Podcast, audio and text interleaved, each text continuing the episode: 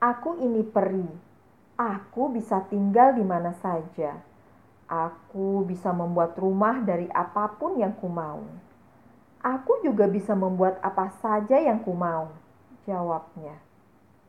Tetapi tak lama kemudian, hei tunggu, di mana tongkat periku? Tanya Stefani. Ya, aku tidak tahu. Mungkin ketinggalan di rumah Lucy. Aku juga tidak membawa tongkat periku, kata Francisco. Oh, tidak. Ini buruk. Bagaimana ini? Masa aku harus kembali ke rumah Lucy lagi? Aku tidak menginginkannya. Tetapi aku membutuhkan tongkat periku, keluh Stefani. Yah, yang perlu kau lakukan hanyalah mendatangi Lucy dan menjelaskan kepadanya tentang apa yang terjadi. Setelah itu beres semuanya, kata Francisco menyemangati. Ngomong-ngomong, suara apa itu? tanya Francisco. Terdengar suara seperti entakan kaki puluhan naga. Bukan, bukan suara langkah kaki Korki. Makhluk apa itu?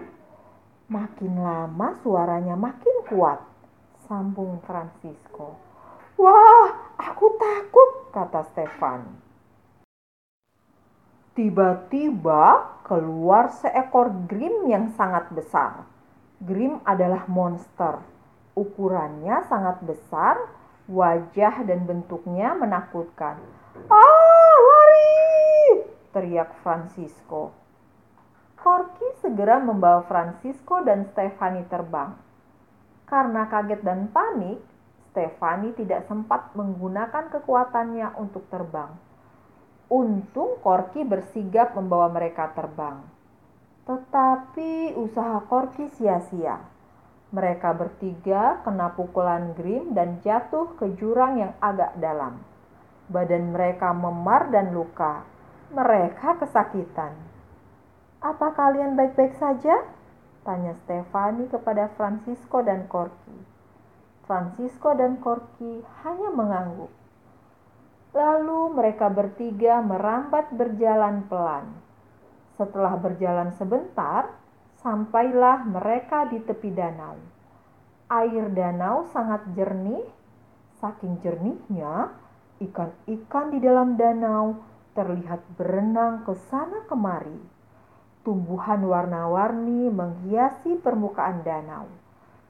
Korki langsung meminum air di pinggir danau. Sepertinya dia kelelahan. Sementara Francisco dan Stefani hanya membasuh wajah mereka. Karena ingin istirahat sejenak, mereka tidak segera terbang meninggalkan tempat itu. Uh, Aku capek sekali, kata Stefani sambil merebahkan tubuhnya di atas rumput. Sebenarnya bagaimana kejadiannya kamu mencuri boneka Lucy? Tanya Francisco yang duduk kira-kira tiga langkah di samping Stefani. Sementara Korki rebahan di seberang mereka. Sejak seluruh pakaianku berubah menjadi hitam, banyak anak-anak takut padaku. Awalnya aku tidak menyukai kondisiku itu. Aku tidak suka menjadi peri hitam. Tetapi lama-lama aku terbiasa membuat anak-anak ketakutan. Bahkan aku menikmati ketakutan anak-anak yang melihatku. Apalagi manusia biasa sangat takut padaku sehingga aku sering pergi ke rumah penduduk persis di seberang hutan kita. Aku menjadi seperti monster bagi anak-anak kecil. Aku bukanlah peri, kata Stefani pelan. Pada suatu hari, aku mendatangi sebuah rumah kosong. Aku memasuki salah satu kamarnya. Sebuah kamar yang indah dengan beraneka hiasan dan boneka tetapi ada satu boneka yang menarik perhatianku. Sebuah boneka berbentuk kucing yang mengingatkanku pada kucing kesayanganku yang sudah mati. Kucing itu satu-satunya temanku. Aku pun mengambil boneka itu. Kemudian ada tiga orang yang datang ke rumah itu. Aku kaget dan panik, tetapi aku tetap diam. Lagi pula, mereka pasti akan ketakutan dan lari meninggalkan aku jika mereka melihatku. Seorang anak remaja memasuki kamar. Dia melihatku. Aku melihat ke dalam matanya.